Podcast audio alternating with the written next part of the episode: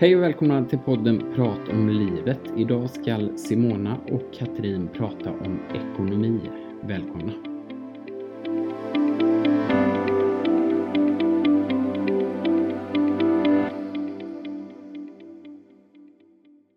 Ekonomi, för vi får ju inte prata om pengar. Nej, och varför är det så tabu? Varför får vi inte prata om hur mycket vi tjänar eller hur framgångsrika vi är? Kan det vara så att det är så fult med pengar? För att vi förknippar oftast rikedom, då är man elak. Eh, man är för mer än alla andra bara för att man har pengar. Man är girig. Ja, och då tänker jag, när du säger så, då tänker jag att en sån person det är väl de som kanske är födda in i pengar. Som alltid haft det, som inte vet hur det är att kämpa. Eh, jag har inte alltid haft pengar. Jag kan inte säga att jag har gott om pengar idag heller men jag jobbar för varenda liten slant i alla fall och skäms inte över det om jag vill åka på någon resa eller om jag vill gå och köpa mig någon snygg väska eller någon kappa eller någonting. Det är liksom ingen som ska kunna få tycka och tänka till om det. Och jag är ju ingen elak eller girig person för det, tänker jag. Och då tänker jag så här, vad långt du har kommit. Och, och lite så här att hur, hur reagerar din omgivning när, när du har fått pengar? För när jag tittar på min egen bakgrund så är jag ju från, eh, vad ska man säga, arbetarklass, eh, föräldrar från ett annat land. Där pengar, där det, pratades, det pratades inte så mycket om pengar, för pengar var inte så viktigt, för det viktiga var kärleken. Och fått med mig att man pratade inte om pengar, för det, det är lite fult, så att säga Eh, och titta på var jag befinner mig idag så det är inte så konstigt att ekonomiskt att, man, att jag har haft den resan jag har haft till att faktiskt förstå värdet av pengar idag. Att det är okej att prata om pengar. Men däremot så kan jag ju uppleva i omgivningen att när, jag, när man pratar ekonomi eller pengar så börjar folk skruva lite på sig. Och man får absolut inte prata om hur mycket man tjänar eller hur mycket pengar man har på banken. För då, då, nej, det tycker vi inte om. Det kan bli lite obehagligt. Tänk om man har nästa middag hemma med några vänner och bekanta och eh, bara nu ska vi leka lite. Nej.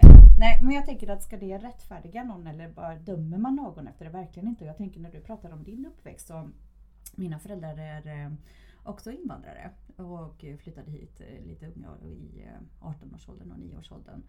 Eh, Men jag tror någonstans att vi har pratat pengar fast inte liksom på det här det sättet. Eh, Alltså det här att ja, men pengar hit och dit eller vad kostar det här? Alltså inget skrytigt utan medvetenhet till mig och min eh, lillebror. Att vi någonstans har vetat pengarnas värde och att eh, ja, men den snåla skaraborgaren. Det, det kan jag väl känna det, det är jag och jag har blivit kallad det ett par gånger. Eh, nej men alltså det, jag tänker att många brukar skoja att de som till exempel bor i Borås Mm. de kan inte köpa en, en tröja för de vet att det alltid finns någon rea som det är textilstad och, och sådana här saker. Att man fyndar och gör jättebra grejer. Jag kan ju nästan det här kupongen som man kan kolla på kanal 5 Ja. eller vad det är. Där kan jag ju gå igång och se hur en del kan triggas upp. Inte för att jag vet vad jag ska göra med så mycket ketchupflaskor och så. Men eh, när de gör sina eh, sina stora såna här förråd eh, till de här grejerna. Men absolut, pengarnas värde, eh, sitta och kolla, jämföra priser. Eh, jag vill ha ej reklam hemma, Nej. men jag har ju apparna så att Ja. man kan liksom gå in och titta. Och jag tänker många bäckar små. Ehm, och det är så här, jag tror att är man inte uppvuxen med pengar nu kan Nej. inte jag jämföra mig med det så jag vet inte hur det är att vara liksom med pengar i överflöd, silversked i munnen överhuvudtaget. Jag har ingen aning så att Nej. jag kanske är helt fel ute och cyklar.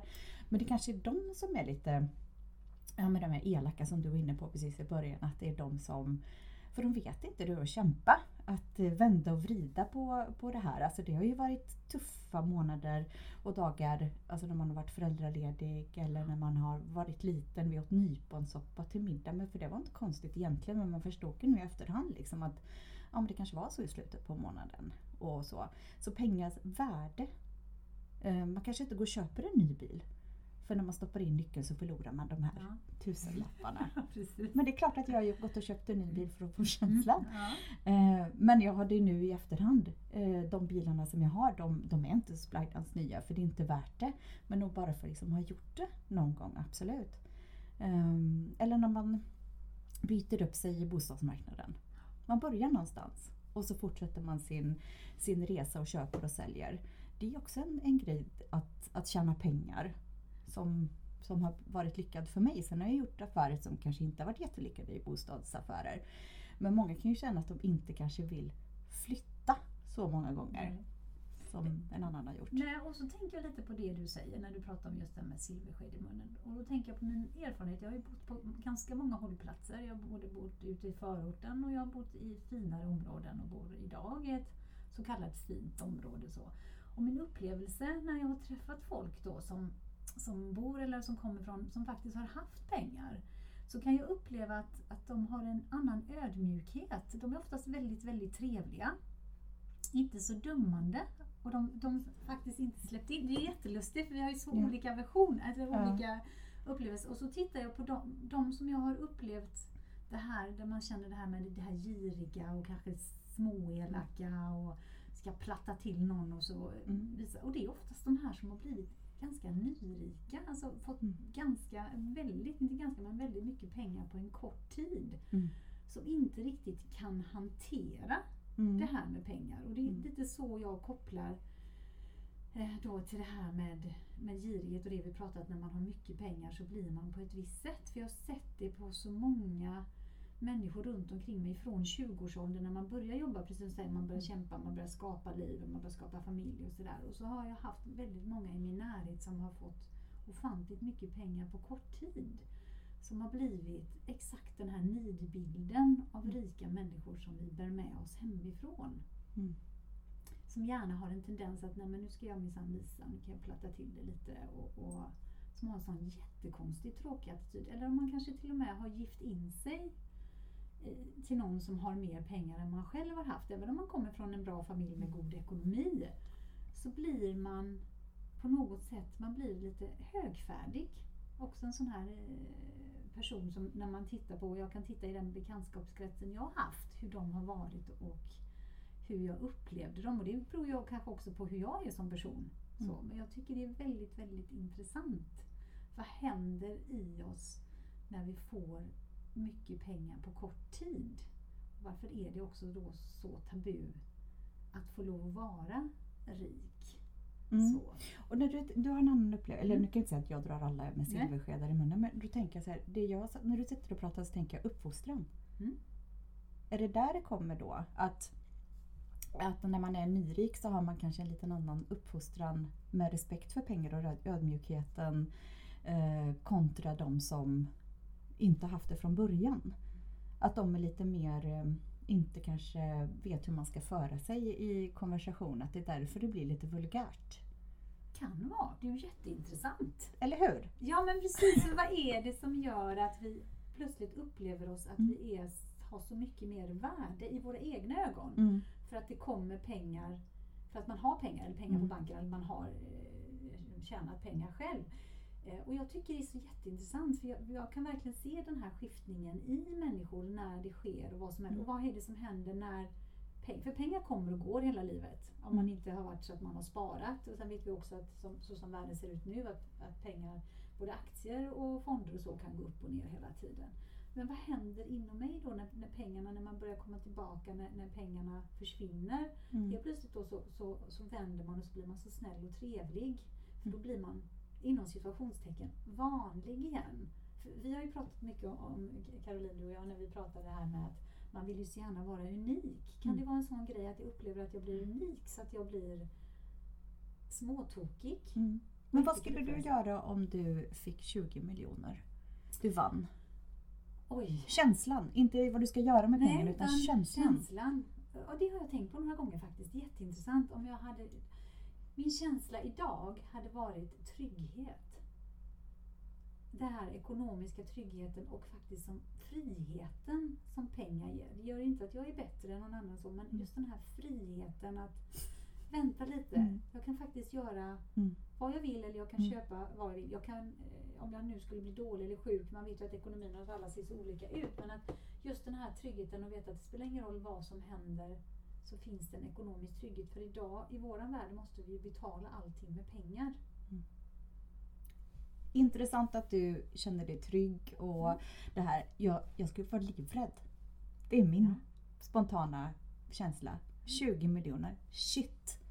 Vad ska jag göra av allt det här? Hur kommer människor bete sig runt omkring mig? Vad kommer att hända med allting? Kommer jag förlora allting? Är det här bara liksom för en stund? Eller alltså, investering, alltså vågar jag köpa någonting? Vill man spräcka de här nollorna? så att det står en miljon, eh, ja alltså bara droppa en miljon så helt plötsligt är det 19 miljoner kvar. Där kände jag, jag skulle vara rädd. Ja. Och, det är du kände trygghet. Ja, precis. Och det är ju så, det är så olika vi Mm. tänker just där beroende Mm. på också på vad har vi med oss i bagaget. Alltså Mm. lite så, vad har vi med oss?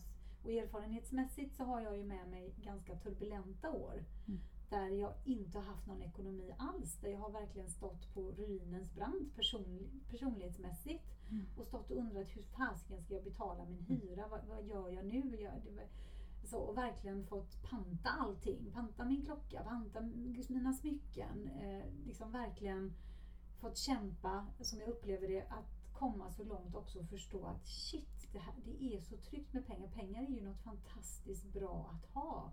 Och hur viktigt det är att man har det på banken. Mm. Och kommer det 20 miljoner idag så skulle jag säga yes, välkommen. Tack. Ja. Men jag tänker när du då fick panta de här Mm. grejerna, smyckena och klockan och allt det där. Det är ju materiella saker.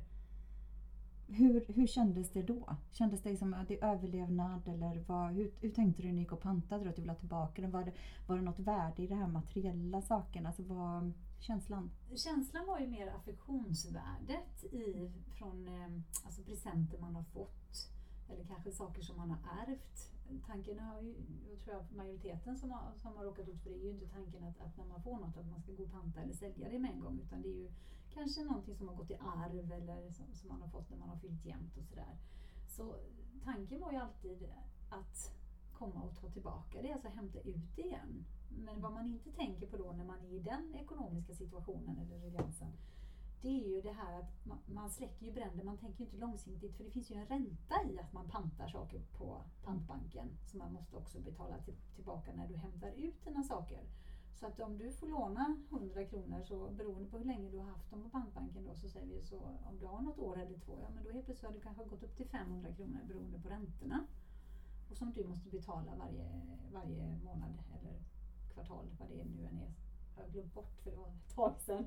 Men, och då, det tänker man ju inte på den dagen du går och pantar för du behöver bara ha pengarna för du ska ha mat på bordet till barnen och du ska betala hyra så att man kan bo, man behöver betala telefon. Så det är ju tanken, så känslan är ju att nej men, det här ska jag fixa, det här ska jag eh, kunna hämta tillbaka.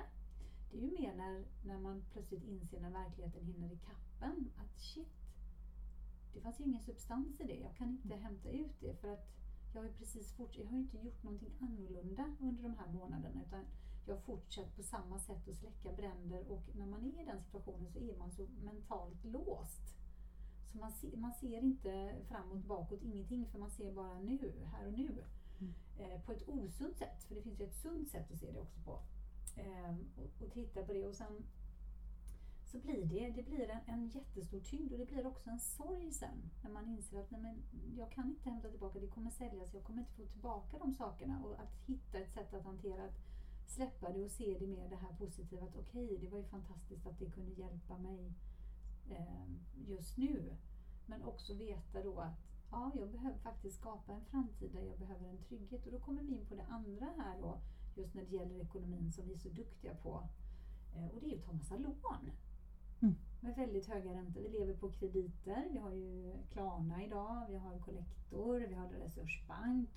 Alla de här affärsidéerna är ju byggda på oss då, jag tidigare, när vi släcker bränder. För vi ser inte längre fram.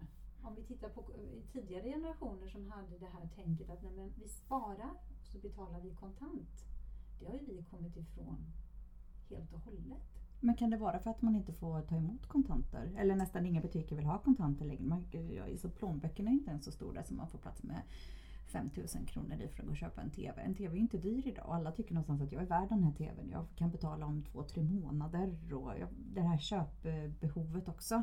Och det är där skaraborgaren kommer in igen. Jag kollar på Blocket först. Om det är någon som man kan få gå och köpa. Så man får göra det. Så att, jag- ja, det kan vara det. Men jag tänker när du var i den här situationen och du hade de här välbärgade runt omkring dig. Var det ingen som hjälpte dig eller varför frågade du inte om hjälp? Hur den... Eh, Jag tror att eh, det var nog så här att jag kände att herregud, jag är så gammal så jag, jag borde inte fråga om hjälp. Och sen så tror jag också att ehm, jag upplevde lite som att man vill inte se att det är så. Det är ingen som säger kan jag hjälpa dig? Och, och då, det blir väldigt tufft också att fråga om hjälp. För man ser att alla andra lever ju kvar i det andra som man själv har levt. Alltså det mentala, man hinner ju inte med. Det tar ju något år Mm. innan man själv landar i verkligheten eller tillåter sig själv att landa i verkligheten. Så man lever precis som vanligt, som att inget hade hänt. Man håller uppe en fasad. Och det gör man för sig själv, eller jag gjorde mer för mig själv mentalt, att låtsas som ingenting. Och det var mer ett skydd för mig själv, men jag stjälpte mig själv jättemycket istället för att dra i handbromsen och säga att stopp, det här är min verklighet. Eh, och jag tänker lite grann när folk stod ju på, eller stod ju på, tittade på, stod ju runt omkring och tittade på, men det var ingen, jag upplevde inte att det var någon som sa någonting. Då är vi inne i uppfostran igen tänker Ja. jag. Att det, är man den här alltså ödmjuka som vi ändå var lite inne på att Mm. de som är födda med pengar eller har det här. Att man kanske har den här ödmjuka, lite hjälpande och lite trevlig och liksom ta hand om någon. Vad, vad skulle det hindra dem? Och då tror jag nog att de som kanske inte kommer från pengar eller har pengar hade liksom bjudit in, kom hem till mig, jag bjuder på mat, det är inte så mycket det här. Men att de bara står bredvid i så fall och tittade på kontra, om, om vi ställer upp två, två grupper mot varandra, vilka tror du ärligt skulle ha hjälpt dig? Erfarenhetsmässigt så är det ju den som inte har någonting, det Mm. den som hjälper. Och det kan jag också säga mig själv, att när jag inte hade någonting så var det jag som hjälpte. Mm. Och det är ganska lustigt att Mm. det är så Mm. faktiskt. Och jag kan tänka min situation och där jag bodde, där var det ju många som såg att shit, så där kommer jag också hamna om jag skiljer mig eller separerar. Det är precis, och då blir det lite jobbigt att möta det Mm tror jag också. Så att eh, många kände igen sig i min situation. Jag tror säkert att, att eh, i mitt område där så räddade jag jättemånga skilsmässor. För det var ingen som ville råka ut för det jag råkade ut för. När man tittar ekonomiskt. Och där kan jag tänka lite på dig eh, Katrin. Katarina i denna tanken att eftersom jag hade en ekonomisk resa med den personen jag bodde upp med från att ha nästan ingenting till att ha ofantligt, ofantligt mycket. Och vad som hände under resans gång med de här närmaste och deras attityd fram tills att allting bara försvann för mig. Mm. Eh, och, och var borta i så många år. Och se också hur de förändrades igen och vad som hände när alla försvann verkligen. När, när man bara tog skygglapparna och så, min upplevelse då. Alla bara eh, slutade höra av sig. Eller, eh, för det var så obekvämt att se att någon kan falla så lågt. Alltså verkligen falla under jord. Så. Eh, Och jag tänker på din resa också med, med din familj som du säger med bakgrunden och så har du ett så fantastiskt byggt upp ett företag och det genererar väldigt mycket pengar och det går väldigt bra för dig. Mm. Hur har din omgivning reagerat på det? Nej men eh, mina, mina föräldrar har ju tyckt att det har varit konstigt eh, att jag startar företag. Och att eh, de brukar säga att du blir ju aldrig nöjd med någonting. Du ska hela tiden sträva efter och, och inte kan stanna upp i nuet utan fortsätta kämpa. Eh, de känner mig så pass väl så att det här med att eh, jobba ihjäl sig, det finns inte för jag uppfostrar att man jobbar. Man går till jobbet. Jag är, ja, oavsett om man känner att man inte orkar eller inte orkar så går man iväg och gör det. Och det är väl det som har fått mitt driv i saker och ting. Men mina föräldrar tycker nog att det är väldigt konstigt för det är så långt ifrån dem. De är ju riktigt så här eh, socialdemokrater kan man väl säga. Det ska vara rättvist och det ena och det andra. Och jag kan väl säga att jag är jätteblå. För att jag tycker liksom att man ska kämpa sig. Man ska inte få massa saker. Man ska få kämpa själv för grejer. Det tycker jag är jätteviktigt. Och det är inte så jag är uppfostrad. Jag vet inte hur det kommer ut därifrån. Men att alltså bygga upp någonting. Det här att jag startade um, företaget är ju att ja, men jag kände att jag inte riktigt kunde stå för värderingar på, på de andra bolagen som jag jobbade på. Vilket är jätteviktigt för då känner man att man ger så mycket av sig självt. Men att det skulle gå så här bra på så kort tid. Mm. Det trodde jag aldrig. Fast egentligen när jag tittar bakåt, det, det är klart att det skulle göra det med tanke på människor man har haft med sig på resan och har med sig på resan och hur man själv är och tror på någonting. Och, och det är så lyxigt att få jobba med sin passion. Mm. Men det finns ju dagar där man känner att åh vad jag skulle vilja ha ett 8 till 5 jobb. Så är det. Eh, och jag vet inte vart den här resan ska sluta heller när det gäller att liksom bygga upp saker och ting. Eh, jag har ingenting kvar att bevisa för mig själv. Som ibland man kan sträva och få det ena och den andra och den tredje. Eh, utan mer alltså utveckla andra. Det, det har blivit mer viktigt. Eh, I den här resan i alla fall. Att få ja, det är en ynnest att få, få se utveckling. Lite så som du också jobbar med, att, att, man, att man har de bitarna. Men att eh, vänner och bekanta väldigt stöttande i, i detta och eh, det kan ju komma lite det här eh, men du som jobbar så mycket, du hinner inte göra det här och din familj. Lite dömande ibland mm. från bekanta. Liksom att du, vad lägger du tid på och sådär. Och då brukar jag säga att ja, men jag kanske har vabbat fem gånger i mitt liv. Eh, mitt ex han var ju jätteduktig på att ta hand om, om de här bitarna för att mitt jobb krävde att jag inte kunde ställa in en hel dag med tanke på att andra människor har kanske fått ta ledigt semester för att få träffa mig. Mm. Så det, var, det blev för stort projekt. Eh, men det är klart att jag har fått dåligt samvete för barnen där men då har jag hellre varit en, en bra mamma när jag kommer hem och kunnat släppa saker och ting. Men när släpper jag saker och ting? Ja men det kanske är 6-7 på kvällen för jag sitter och jobbar 12 14 timmar om dagen. För jag kan inte sluta för jag tycker att det är så roligt. Så man får liksom lägga band på sig själv där. Men då har man ju tänkt nu tillbaka i tiden, vad är det man har uppoffrat liksom för det här? Ja det är att vabba och vara, ha semester med barnen, alltid fått lämna bort dem för att få ihop den ledigheten. Och skolan är ju stängd 10-11 veckor. Eh, och man har fem veckors semester. Och jag har aldrig semester. Och liksom få, få de här bitarna, det har varit tufft. Men jag, när jag är där så är jag där till eh, 200 procent. Har dina vänner kunnat se, eller de du har haft runt, du behöver inte alltid för de närmaste vännerna, du sa ju också förut att du har haft en förståelse, men jag tänker lite omgivningen runt omkring som kanske inte har varit så nära just när de ser den här framgångsrika Katrin. Vi pratade lite om det när, man, när du syns i artiklar eller det du är med på, eh, på LinkedIn med eh, olika inlägg och ditt företag mm. nämns i, i kanske artiklar och sådär. Mm. Det är väl eh, det är väl lite olika. Jag tror ingen skulle faktiskt våga säga det rätt upp i ansiktet faktiskt. Men det är klart att man känner och man, man ser att det finns liksom viss avundsjuka ibland och sådär. Och då är det enda, alltså skulle någon säga det till mig så då är det nästan så här, men vill du se baksidan? Ja. vill du veta baksidan så är det inte så jäkla fantastiskt som du tror. Utan Nej. jag har jobbat för det. Lite som jag var tillbaka i början, ja. liksom, att det här är någonting jag har kämpat för med blod, svett och tårar mm. verkligen. Och alla uppoffringar och Eh, så som man har gjort eh, genom tiden. Men jag ångrar inte det en sekund. Jag gör inte det. Jag hade önskat att jag hade kunnat omvärdera vissa saker och kanske tagit lite ledigt och sådär. Men det har krävts, jobbet har krävts att man måste göra det. Man kan inte starta ett företag och bygga upp det och tro att det är som att driva ett företag som är 50 år gammalt är liksom processer och rutiner. Utan man är ju processen och rutinen precis hela tiden. Eh, åka iväg en vecka är förödande. Det låter jättekonstigt men kunde inte offra det? Var det viktigare? Ja, men det, jag bygger ju det här för familjen mm. eh, hela vägen. Och eh, vännerna och, och, bekanta och de runt omkring det är eh, det, det, finns, det är svårt att förstå för man tar mycket saker och ting för givet. Eh, vilket då gör att för mig så blir det inte så dömande mot mig för de har inte en förståelse. De kan inte förstå vad det innebär för de skulle aldrig, vissa utav dem, eh, kunna göra det man gör i, i timmar och i, mm. i tankar för att bygga upp det. Det är inte värt det Nej. för många.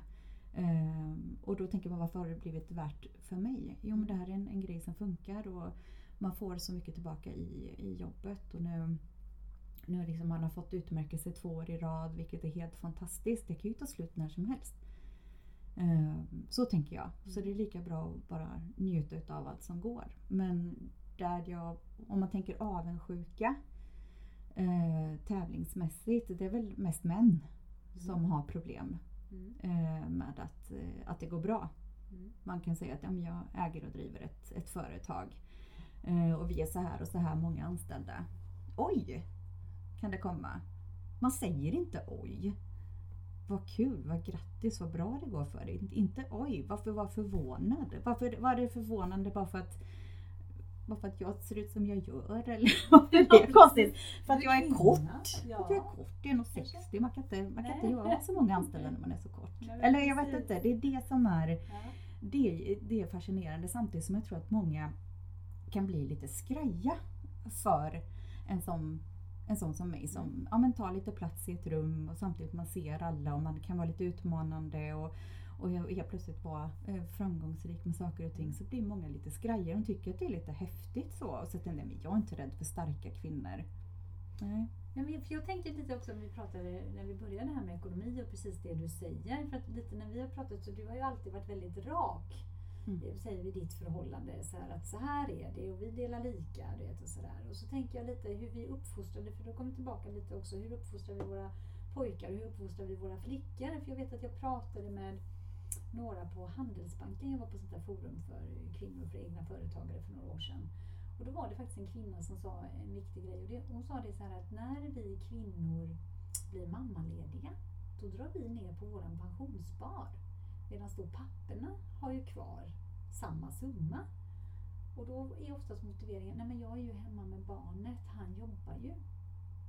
Mm. Och jag tyckte det var en sån sån, alltså det, sån, vad ska man, sån, sån, sån, sån, sån. Tur att vi kan klippa. Ja. Nej, men jag blev lite provocerad för det för att jag kände igen mig själv i det. Mm. För att så tänkte jag också, vad är det som gör att vi inte sätter värde på den tiden som föräldrar? För nu går jag tillbaka till det här med ekonomin som vi började på, att hur viktigt det är att vi är jämlika i ett förhållande ekonomiskt. För vi tänker ju inte så vi kvinnor, majoriteten. Sen finns det några ibland män som tänker, men, men just det här att varför sätter vi inte värde på de mjuka värdena som faktiskt vi, vi gör i hemmet då? För det, det naturliga är ju att vi kvinnor oftast fortfarande, även om det börjar bli mer jämlikt, så vad är det som gör att vi inte tar för oss ekonomiskt? Men ligger inte det så djupt rotat att, att eh, som kvinna att man vill bli omhändertagen? Att mannen ska vara huvudförsörjare? Alltså det, det sitter så djupt rotat i ett DNA. Att man är lite svagare. Man orkar inte lyfta lika tungt även om man styrketränar rena för vi har liksom olika kroppsgrejer och så att man ska bli omhändertagen. Och att någonstans tillåts att bli omhändertagen. Man lagar middag till mannen kanske och mannen skruvar upp en tavla eller spikar upp en tavla och så är det så jämlikt. Men ta hand om barnen, ja men man har gått där i nio månader och, och vankat av han. Och sen ska man lägga liksom ett år till efter det. Det är så nästan två år och då är det klart att att jag tänker att då som, som mamma och det här värdet och de här bitarna att, att ja, men då går pappan och jobbar. Ofta tjänar ju män mer än kvinnor fortfarande än idag också. Och då ekonomiskt så blir det dumt om, om pappan ska vara hemma och mamman som eh, tjänar lite mindre ska gå till jobbet. För någonstans handlar det om att man vill köpa den där TVn. Även om man lånar det eller vad det nu kan vara. Eh, Men just det här med pension och de bitarna. Att det är, jag tror man tar det så för givet. Eller om man ser omgivningen. Eh, För när du säger att du var på banken och det här, det här samtalet hade jag på banken när, när mitt första barn eh, Mm. föds. Och då satte vi undan mer i pensionsspar till mig. Ja, för du är, jag måste säga, det är så Ja. fantastiskt med dig Katrin. Ja. För att du, du, du, det är verkligen som det alltså jag, jag blir så imponerad, jag måste bara säga det för att tänk om, om majoriteten av oss där Mm. ute, för jag upplever att Mm. jag träffar ju så himla mycket människor varje dag, eh, så har de samma upplevelse som jag har. Att vi är Mm. så få Mm. som har det, den självkänslan och den självrespekten när det gäller ekonomi. Mm. Att vi faktiskt förstår att, nej men vänta lite, idag lever vi i ett samhälle där vi är individualister, även parmässigt. Mm. Eh, och hur skevt det blir när en väljer att jobba. Och det var ju du som valde att jobba. Mm. Också egentligen, om man tittar när du pratade om det här med att vab, att det var din före detta man som var hemma med barnen. Mm. Medan eh, det traditionella är fortfarande att männen tjänar så mycket mer så att man som kvinna väljer att vara hemma för, för hushållsekonomins skull. Mm. Så, och att man inte man tar inte för sig ekonomiskt, för det är inte så viktigt. För att kärleken är ju det viktigaste. Mm. Vi är ju en familj, jag älskar dig, jag kommer aldrig lämna dig. Det är klart att vi Mm. det alltid kommer göra det. Det, är inte, det kan ju ibland är det Mm. mannen som Mm. väljer att vara hemma. Men hur viktigt det är att, att vara ekonomiskt jämlika, att vi inte vågar ta för oss och säga, nej men vänta lite, stopp här. Mm. Så du som lyssnar och är hemmafru, se till nu att pensionsspara lite extra. Eh, allt kan hända. Eh, din eh, eh, eller hemmaman kan det också vara. Din, din fru eller man. Det är inte alltid de går och dör och att man ärver det. Utan man kan, du kan träffa någon som du blir jättekär i och vill lämna. Eller tvärtom. Så att saker och ting kan hända. Så se till att liksom bädda lite för dig. Det är mitt råd. Och skriv alltid äktenskapsförord. Det tror jag är ganska viktigt. Det tror jag är jätteviktigt Katarina, inte ganska viktigt. Det är fruktansvärt viktigt. Och samma sak till er som har valt att vara sambo. Mm. Att faktiskt titta på det här med sambolagen för att det är det som gäller och inte göra så på det här. Att man förstår också att ekonomin och den ek- ekonomiska tryggheten är så viktig. Varför jag pratar om det, det är för att också det finns ju så mycket undersökningar, jag vet inte om du har läst om dem också Katarina, att det finns så många par som Mm. är ihop, men de är ihop och de kan inte skilja sig på grund av ekonomin. Mm. För att eh, man klarar sig inte själv för att man har tagit så mycket lån. Mm. Eller att det är så fruktansvärt oj, ojämnt. Mm. Att den ena parten då har fått göra karriär och fått tjäna pengarna och har jättehög lön. Medan den andra parten har valt att vara hemma med barnen.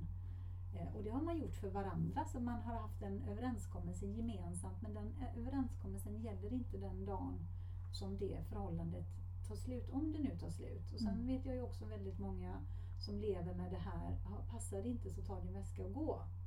Mm. Vilket gör att man för husfridens skull anpassar sig jättemycket till den andra parten för att den är så ekonomiskt stark. Mm. Medan man kanske då oftast, det vanligaste är att när man träffas, när man är runt 20-årsåldern, kanske i början på 30-årsåldern eller sådär, då är man eh, jämlikt ekonomiskt. Mm. Man har samma utgångsläge oftast. Mm. Och sen händer ju saker ut med resans gång. Att hur viktigt det är att faktiskt eh, ta hand om sig själv Mm. ekonomiskt. Att det är fruktansvärt viktigt. Mm. Lika viktigt som hälsan. Mm. Pengar. Vi är där igen. ja, Det får inte vara tabu att prata om pengar. Och då handlar det inte om kronor och ören. Sparande till barnen. Alla kanske inte har möjlighet att spara till barnen. Alla kanske inte har möjlighet att pensionsspara eller ha fonder eller vad det nu kan vara. Men att gå och köpa en TV, ny TV fast TVn inte ens är sönder för man behöver en liten större för att alla andra har det. Det har man råd med, Mm. tänker jag. Mm. Eller att man köper ehm, ja, men Lyxfällan. Mm. Alla som är med där köper ju bara skräpmat. Mm. I princip. Alltså, nu, nu drog alla över en kam Ja. nästan. Jag har inte sett alla avsnitt men oftast är det det och man eh, använder tobak på ett eller annat sätt och dricker läsk och någonstans hamnar i ett ohälsosamt, i dubbel bemärkelse, grej här som gör att varför? Och så, så någonstans skiter man lite i de här som kommer in räkningen och lägger det på hög. Precis som att det ska försvinna istället för det som tar tjuren vid hornet börja betala av eller inse att köpa två, tre pizzor eh, i veckan eller fem. Det, alltså det är ju ganska mycket nudlar. Eller eh, broccolisoppa eller, Ja. eller vad som helst. Det är som att man hamnar i det. Allt blir jätteohälsosamt. Relationen, man börjar prata till varandra på ett visst sätt. Barnen hamnar i kläm. De sitter med sina iPads i soffan och är helt understimulerade istället för att gå ut och ta en promenad ner till fågeldammen och mata fåglarna med bröd och vara ute en liten stund och, och sen går man och köper lite smågodis som en grej. Man får ta tio små godisar Ja. vad nu kan vara. Ja men det är det här unna sig. Jag ska unna mig Ja. för jag kan inte unna mig något annat så ska jag unna mig det här. Mm. Och då tänker jag lite så här, jag brukar prata ganska mycket ekonomi på jobbet när man gör de här målbilderna. Eh, och man tycker det är ouppnåeliga. Som till exempel kan det vara att ta ett körkort eller man ska spara till, till en bil eller man vill börja spara till ett hem. Och då brukar jag säga om du väljer att spara 20 kronor om dagen varje dag i ett år till exempel. Mm. Hur mycket pengar har du inte eh, om ett år? Och så tittar folk med säger, men vadå 20 kronor om dagen? Ja, det, nu pratar vi om den här Red Bullen, Coca-Cola, pizzan, tidningen. Mm. Och den är okej att man köper kanske en, en gång varannan vecka. Mm. Eller, så att man liksom börjar dra ner på det. För de där 20 kronorna på ett år varje dag, det blir ofantligt mycket pengar. Mm. Så du kommer ju upp i, nu har jag inte någon miniräknare här, men jag tror att någonstans eh, när jag brukar prata så brukar jag komma upp i runt eh, 20 000 i Mm. alla fall. Mm. Mm. Eh, och titta på det, om jag benar ner det, oavsett om jag har 100 000 som mål. Mm. Så, om jag nu ska spara 100 000 på tre år, Mm. fyra år, eh, fem år eller vad det nu än blir. Det är precis som när, när man ska ta ett lån. Mm. Och så ska man betala av lånet och så ska man betala av räntan. Och då tittar man att men nu ska jag ta ett lån på 100 000 och om jag betalar 2 000 varje månad, nu ska jag slå ihop alla mina lån som jag har, alla dyra krediter och så ska jag bara ett lån och så blir det 100 000. Och så säger jag, ah, men då kan jag betala så här mycket i månaden och så har jag betalat av det på ett visst antal år. Och så tänker man inte på all ränta man betalar. Nej, och den kan ju vara från 1,18 upp till 16-17 procent. Och det tänker man ju inte på Nej, när man gör det. Därför den ser Nej. man inte. Nej, Nej, precis. så, Så var det kanske bättre med bankbok? ja, kanske. När man satt och skrev och fick det verkligen in your face. Mm. Vad man har kvar och vad man har. Nu är det ju bara att dra det ena kortet. Funkar inte det, då tar man det andra. Och så finns det de säkert som har tre, fyra, fem olika och krediter och det ska vara det ena och det andra. Alltså den stressen med, med detta. Och någonstans är det aldrig deras fel. Nej. Det är ju samhällets fel. Ja. Det är någon annan som ska få stå och betala för det här istället för att man ska ha den senaste mobiltelefonen eller ha en större TV eller köpa den här bilen eller handla de här pizzorna eller vad det kan vara. Och det, det är den här, alltså jag är glad för min uppfostran. Jag tror att alla kanske behöver växa upp i Skaraborg. Ja, det Faktiskt. hade nog inte varit så dumt tror jag. Men jag tror alla, vi behöver komma tillbaka lite back to basic. Att man Mm. handlar inte för det man inte har. Mm. Eftersom, precis som vi pratade om, det finns ju knappt några papperspengar idag. Mm. Så vi handlar ju, all- pengarna syns inte. Vi ser det som en siffra och det, Mm. det, det blir ingen verklighet i den. Och så tänker man, ah, ja, jag ska unna mig. Mm. Men istället för att faktiskt spara ihop, vilket också gör att vi blir mer rädda om sakerna. Vi är mer rädda om en sak som jag har Mm. sparat ihop eller tjänat ihop då. Eh, Och så köper jag det, då är jag väldigt rädd om den saken. Men idag om jag bara kan låna eller bara går och köper för köpandets Mm. skull, för det kan jag ju också göra. Mm. Så, för att döva vissa saker eh, som man känner att man egentligen eh, hade velat ha istället. Men då ger ju, vi vet ju att köpa någonting ger ju ändå en så pass kort lycka i Mm. några dagar, håller det i sig och sen försvinner det och så får man det dåliga samvetet istället. Mm. Jag vet inte hur många jag pratat med som har sopsäckar med kläder Mm. som, inte, som har prislapparna kvar eller man Mm. handlar en massa Mm. eh, teknologiska prylar men man Mm. använder dem inte men man har dem för att det dövar någonting. Och så har man de här skulderna för det ska, allting ska ju betalas. Mm. Det ska betalas tillbaka och så kommer vi in i det här, den här onda cirkeln och så är det ingen som vågar prata om det. Nej. Nej, men det är ju skämmigt att man inte har koll på sina pengar i, i vuxen ålder. Och så på olika anledningar så är det pinsamt att be om hjälp. Man känner att man vill liksom klara sig själv och att man pratar fortfarande inte om pengar. Att det är lite tabu. Men jag tänker på det här med hållbarhet nu. Mm. Att köpa gamla kläder och, och gamla saker och att man ska liksom tänka på miljön. Mm. Det tror jag är ett, ett bra svepskäl för många. Att man tänker på miljön och hållbarhet istället för att Nej men jag har inte råd att gå och köpa där. Eller second hand som det har kommit in vintage-grejer och, och väskor och ena och det andra. Och alla kändisar som, som ska visa upp att både den ena handväskan Ja. efter den andra. Jag tycker det är väldigt snyggt med handväskor själv. Eh, gjorde mig av med alla förutom två. Ja. För att jag använde dem inte. Och då kände jag, vad ska jag sitta med de här till? De, nu är någon annan lycklig ägare eller ägarinnor till de här väskorna.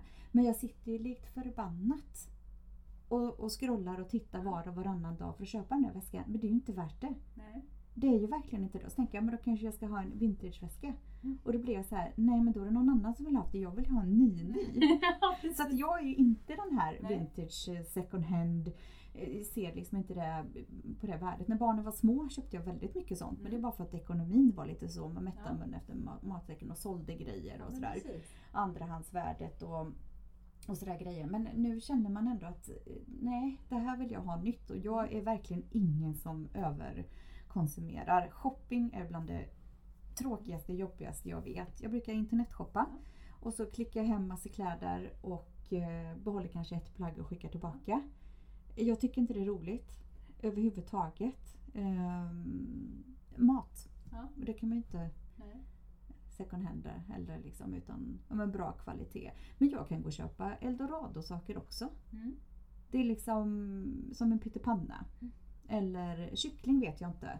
Men där kan jag, det är bara för att man vill ha liksom ekologiskt och sådana saker. Men, eller fisk, att det ska liksom vara bra grejer. Men om det är en majsburk från Eldorado eller om det är från ICAs Selection. Alltså sak samma. jag. Det är så roligt för jag älskar ju verkligen att jag vill känna på alla plagg. Jag, vill, jag, vill gärna, jag Mm. gillar inte internetshoppa på plagg och så. Jag, jag vill känna så här. Mm. Känna, titta, se färgen i verkligheten, prova. Så jag är en sån här jättejobbig kund. Men jag tänkte lite på, på det du sa förut, det här att det är så politiskt korrekt. Det här med hållbarhet. Mm. För jag, har- jag har ett uttryck som jag älskar och det är så här, det är så jävla lätt att vara fattig när man är rik. Mm. För då har man ett val. Mm. Och så ska man gärna skylta över att Mm. man är så politiskt korrekt och man, det är eh, hållbart och man eh, återvunnet material och hitan och ditan. Men det är för att jag faktiskt har valet att Mm. kunna köpa nytt om jag vill. Mm. Så. För att är du i en situation där du faktiskt inte har det valet, du kan inte köpa ekologiskt för att det är så himla dyrt, du är ensamstående småbarnsförälder eller du kanske bor själv. För vi vet ju att Sverige är inte byggt för ensamhushåll. Det är byggt för att två inkomster för att Mm. man ska kunna ha Mm. så kallat vad alla skulle kalla ett normalt, så kallat normalt liv.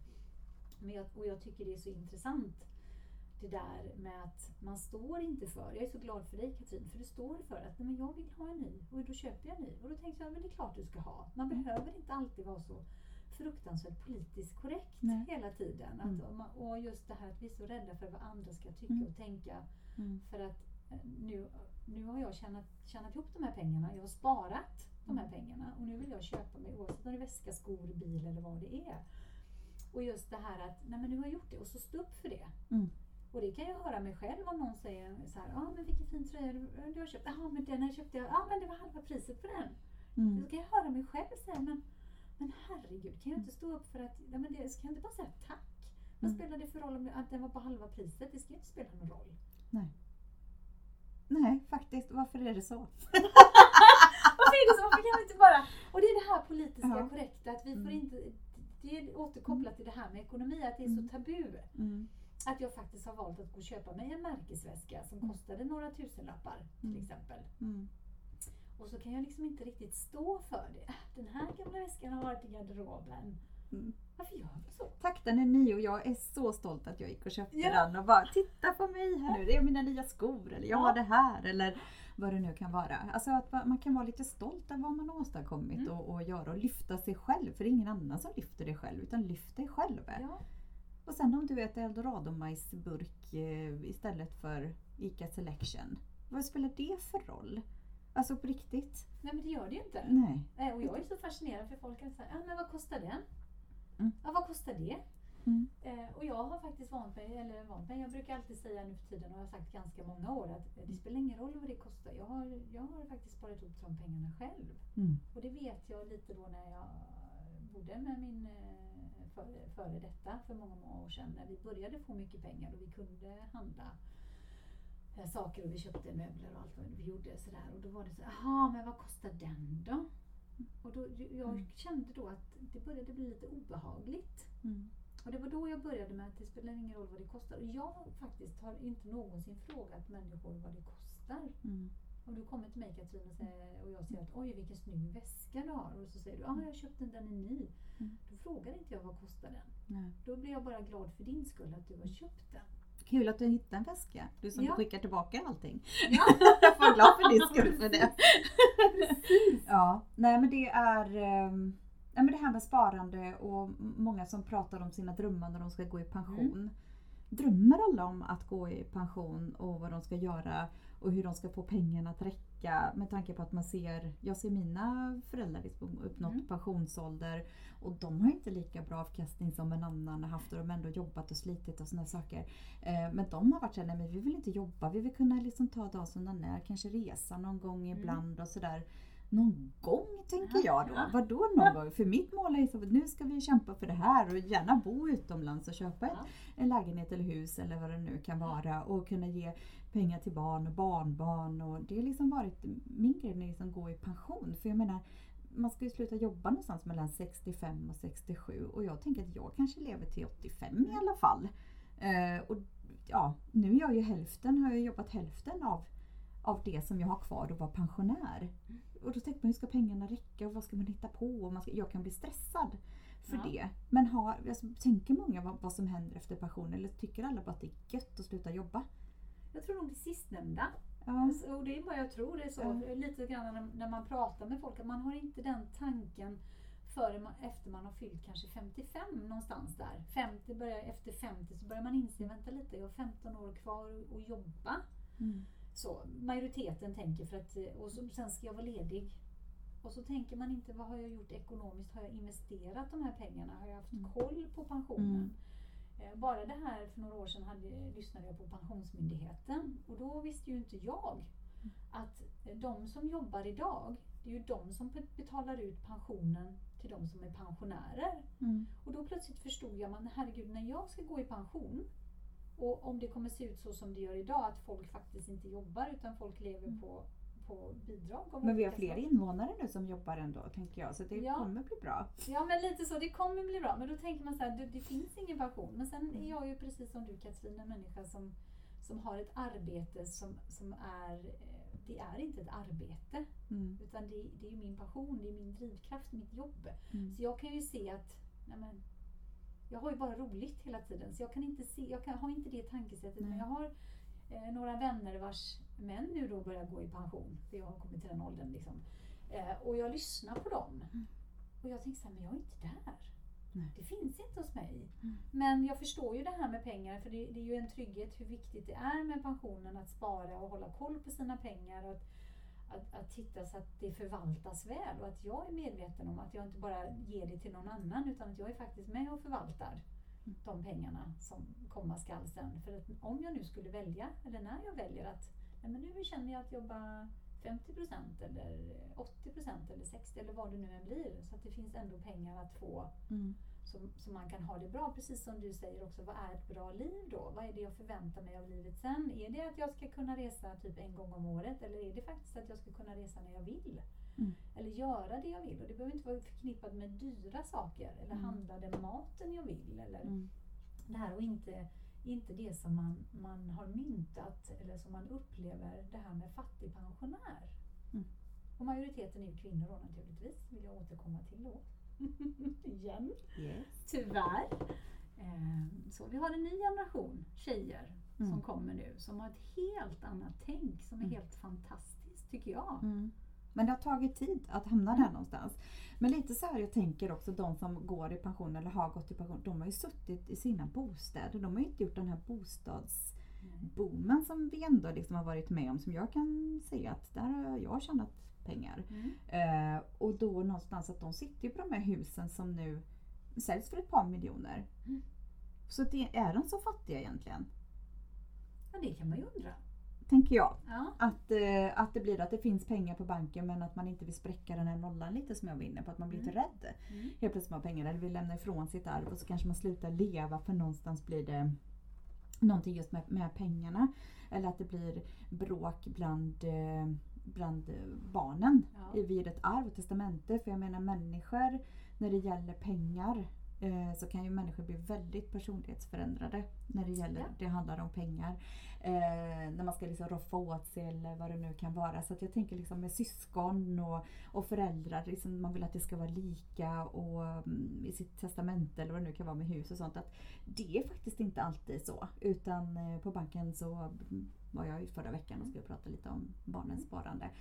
Och då menade hon, bankkvinnan, på att det är ja, men det är väldigt många gånger det finns ett testamente. Mm. Sen kanske inte den är alltid så, så rättvis och sund och det är väldigt många som har lite svårt att acceptera Ja. att det ser ut som det gör, att det finns någon som får lite mer. Och så fort det handlar om pengar så blir personlighetsförändring. Har du någon?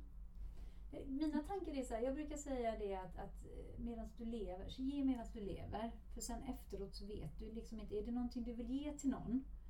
Så ge det medan du är i livet och så kan du se den personen njuta av det. I annat fall så njut av dina egna pengar. För att jag är ju så, så van också av att se människor som är så, jag brukar säga väldigt fattiga mentalt. Och då menar jag att man har hutlöst mycket pengar på banken. Eh, man kanske har tjänat jättemycket pengar, man kanske tjänar mycket pengar. Men när man pratar med personerna så säger man, jag är så fattig. Mm. Jag är jättefattig fast man har mycket, mycket högre Kan man vara fattig i Sverige? Det kan man. Det kan man beroende på då, då ska vi gå tillbaka till det vi pratade om förut. Hur mycket, hur mycket har du lånat? Mm. Hur mycket ränta betalar Mm. du? Mm. Ja, hur ser dina lån Men ut? du har ändå haft möjlighet att och låna, då är du inte fattig. Då har du ändå en inkomst. Ja. Så vi backar lite till, när är man fattig tänker jag då? Ja, det är, ju, det är ju den dagen du upplever att du inte har någon, någon eh, kontroll eller du, du har mer Mm. utgifter Mm. än vad du har inkomster. Mm. Och där kan man ju ha drabbats olika. Så att man har en livssituation, man kan ha en sjukdom eller man kan vara, som har gjort att, att hela världen ruckas och vi har ett system som ska täcka upp som inte alltid täcker upp. Som faktiskt inte är så rättvist med tanke på det också som eh, jag arbetar eh, idag med, med människor som kommer ifrån eh, Försäkringskassan. Som Av olika anledningar har man hamnat där för man har haft en livsresa och olika eh, både psykiska och fysiska hinder eh, upplever att man har haft ett, ett annat liv och så, så blir det långvarigt. Man har inte tänkt sig att det ska vara långvarigt. Och så hamnar man och så kanske man behöver vända sig till so socialtjänsten. Och när man hamnar inom socialtjänsten så är det ju så att då får du faktiskt inte äga någonting. Du får inte äga någon, någon, någonting. Och Mm. du, de ska ju täcka dina basbehov, alltså hyra och mat, min, min, minimum. Eh, ja, så där kan jag säga att det finns. Eh, Mm. Det är klart det finns. för Jag Men- tänker alltså det, är så att det, det, jag har svårt att se att det blir enkelt att hamna, alltså att, att var och varannan ska kunna göra. Jag tror att det är väldigt liten procent vill jag ändå kunna säga med tanke på att vi har det här skyddsnätet Försäkringskassan. Mm. Vi har barnbidrag, Mm. vi har a-kassa. Vi förväntar oss bara att få massa saker, att få pengar under medan vi är föräldralediga. Det har man ju inte i andra länder. Eh, sjukvårdsförsäkringar hit och dit och tandläkare, du betalar några kronor per månad så har du en försäkring och behöver knappt liksom betala någonting när dina tänder går sönder. För att du själv liksom, ja, några har kanske dålig Mm. saliv och allt det där men många gånger kanske man har förstört det, det själv eh, Mm. genom att inte ta hand om sina tänder eller sin, Ja. sin kropp och så. Men det, det kan någonstans vara så här, lite som du är inne på, att det här med att man har hamnat i en situation, om det är fysiskt eller psykiskt. Eh, om vi tar psykiskt till exempel så tror jag att alla genomgår saker och ting i livet och man hanterar det på väldigt olika sätt och man kanske inte vill ta hjälp, man får hjälp.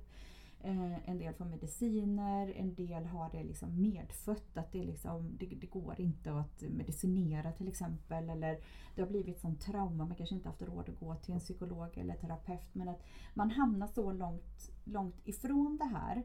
Alltså att gå och må dåligt i två år och ha pengar från Försäkringskassan. Eh, under de här två åren Finns det inte en eller två dagar där man känner att idag mår jag faktiskt lite bra och kanske ska tänka lite på att jag ska ta mig ur det här? För man är ju någon som spelar huvudrollen i sitt eget liv. Eller förväntar man sig att man bara lägger sig helt platt lite som Lyxfällan, räknar på hög. Det är någon annan som kommer att ta att det blir lite obehagligt att få jobba lite med sig själv. Ja men det tror jag, så det kan jag ju säga att, att det här att jobba med sig själv det är ju inte populärt. För då måste man ju möta sina brister också, inte bara plus, plus och minus. Och minus kanske inte är så roligt att se att man själv också många gånger, inte alltid, men många gånger har varit delaktig i vissa saker eh, som man själv eh, har råkat ut för eller så. Och jag tänkte lite mer också, vi har ett skydds, skyddsnät som både hjälper men definitivt också stjälper oss. Eh, Och skulle vi titta på andra länder där man får klara ganska mycket själv och där vi har en, en annan familjesammanhållning, för det har vi inte här heller i Sverige. Vi är väldigt unika på så sätt att, vi så, att staten är där i våran backup. Mm. Medan i andra land, länder så är det familjen som är backup och som hjälper till med det ekonomiska och sådär.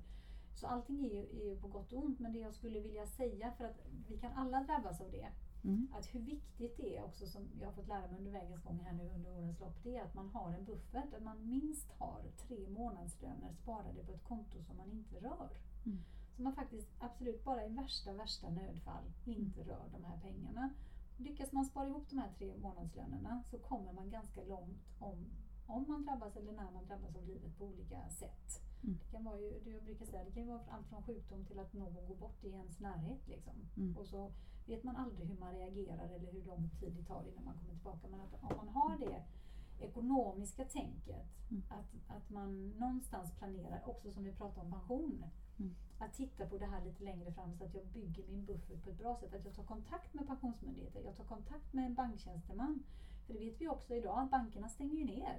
Mm. Vi har ju inte några, några personliga möten. Jag själv har ju ICA-banken, kan jag säga. Där finns ju inte några eh, bankmänniskor som som man kan Mm. prata med. Det är ju bara en dator. Mm. Men hur viktigt det ändå är att på något sätt att man sätter sig in i sin ekonomiska situation och faktiskt också någonstans eh, bestämmer sig för, om man nu då har det ganska tufft, att ja, jag lever ganska snålt, men om jag väljer nu att leva ännu snålare i ett, två år så att jag betalar av de här krediterna så mycket som möjligt så kommer livet bli mycket lättare längre fram. Det gäller bara att jag ser ett syfte och ett mål längre fram med det.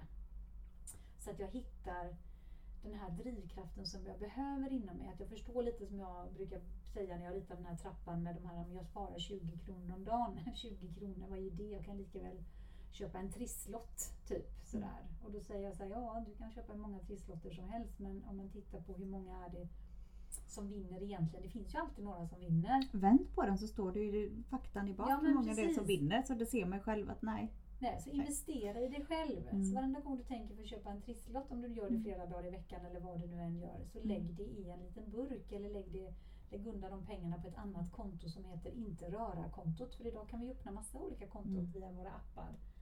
Men just det här med, med ekonomin, att hur viktigt det är för att alla kan vi hamna där på, för eftersom livet går upp och Absolut. ner. Och att man också tänker på det med den här ödmjukheten när det, när det går bra. Mm. Att hur viktigt det är för mig att alltid vara trygg. Och lite det vi har varit inne på att det är faktiskt väldigt härligt att ha mycket pengar på banken. Mm. Att Men att man återigen tar ett ansvar Mm. för det för att man inte vet vad som kan hända. Man kan bli sjuk, man det, det är sjuk på olika sätt eller andra saker som drabbar. Att ens barn blir sjukt och man inte kan jobba. Eh, covid Ja. eh, kommer in och bara drabbar och, och, och det ena och den andra och den tredje. Och någonstans i mitt i det här shoppandet eh, så, så någonstans stanna upp lite. Behöver jag alla de här sakerna? Behöver jag köpa det här nytt? Ja, det här vill jag unna mig nytt. Det här vill jag ha de här bitarna. Men jag tänker åter, återigen så här när man har eh, livförsäkring. Ja. Hur få faktiskt det är som unnar sig det. Att lämna ifrån sig. Att, att man har en livförsäkring eller om man är gift och har barn Mm. och går till banken. Att det är så här att om min man eller fru skulle dö då har vi haft en försäkring att jag ska kunna bo kvar där. Att vi liksom har en summa på varandra. Vi har ju skojat ett par gånger om Ja. det. Att, Oj hoppsan. Ja.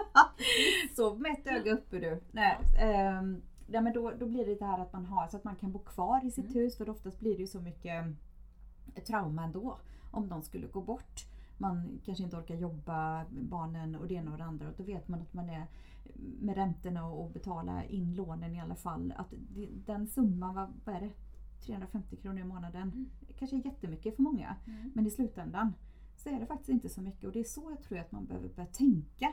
Att vad, vad gäller det här, alltså betala a-kassan 115 till 200 kronor. Att det är den här 350 kronor i en livförsäkring. Att spara undan 300 kronor i någon spargrej för buffert i framtiden för att få de här tre månaderna. Alltså en tusenlapp istället för att kanske gå till Systembolaget och köpa de där ölen eller ta den där pizzan. Eller kanske inte snusa eller eh, röka eller vad det kan vara. Sen ska man inte sluta leva men jag, jag tänker också så här att det här är ditt ansvar. Kom inte och säg sen hur, hur det här och det här var möjligt eller det ena och det andra om man inte tar de här bitarna. För vi matas ju med det hela tiden samtidigt som vi matas om att vi ska handla grejer. Varför är det så få som... Ja precis, för man investerar ju i sig själv och sin framtid. För jag Mm. tänkte precis när vi, vi, vi pratar ju sällan om döden, men när den väl inträffar. Nu hade jag två dödsfall på väldigt kort tid för eh, fyra år sedan.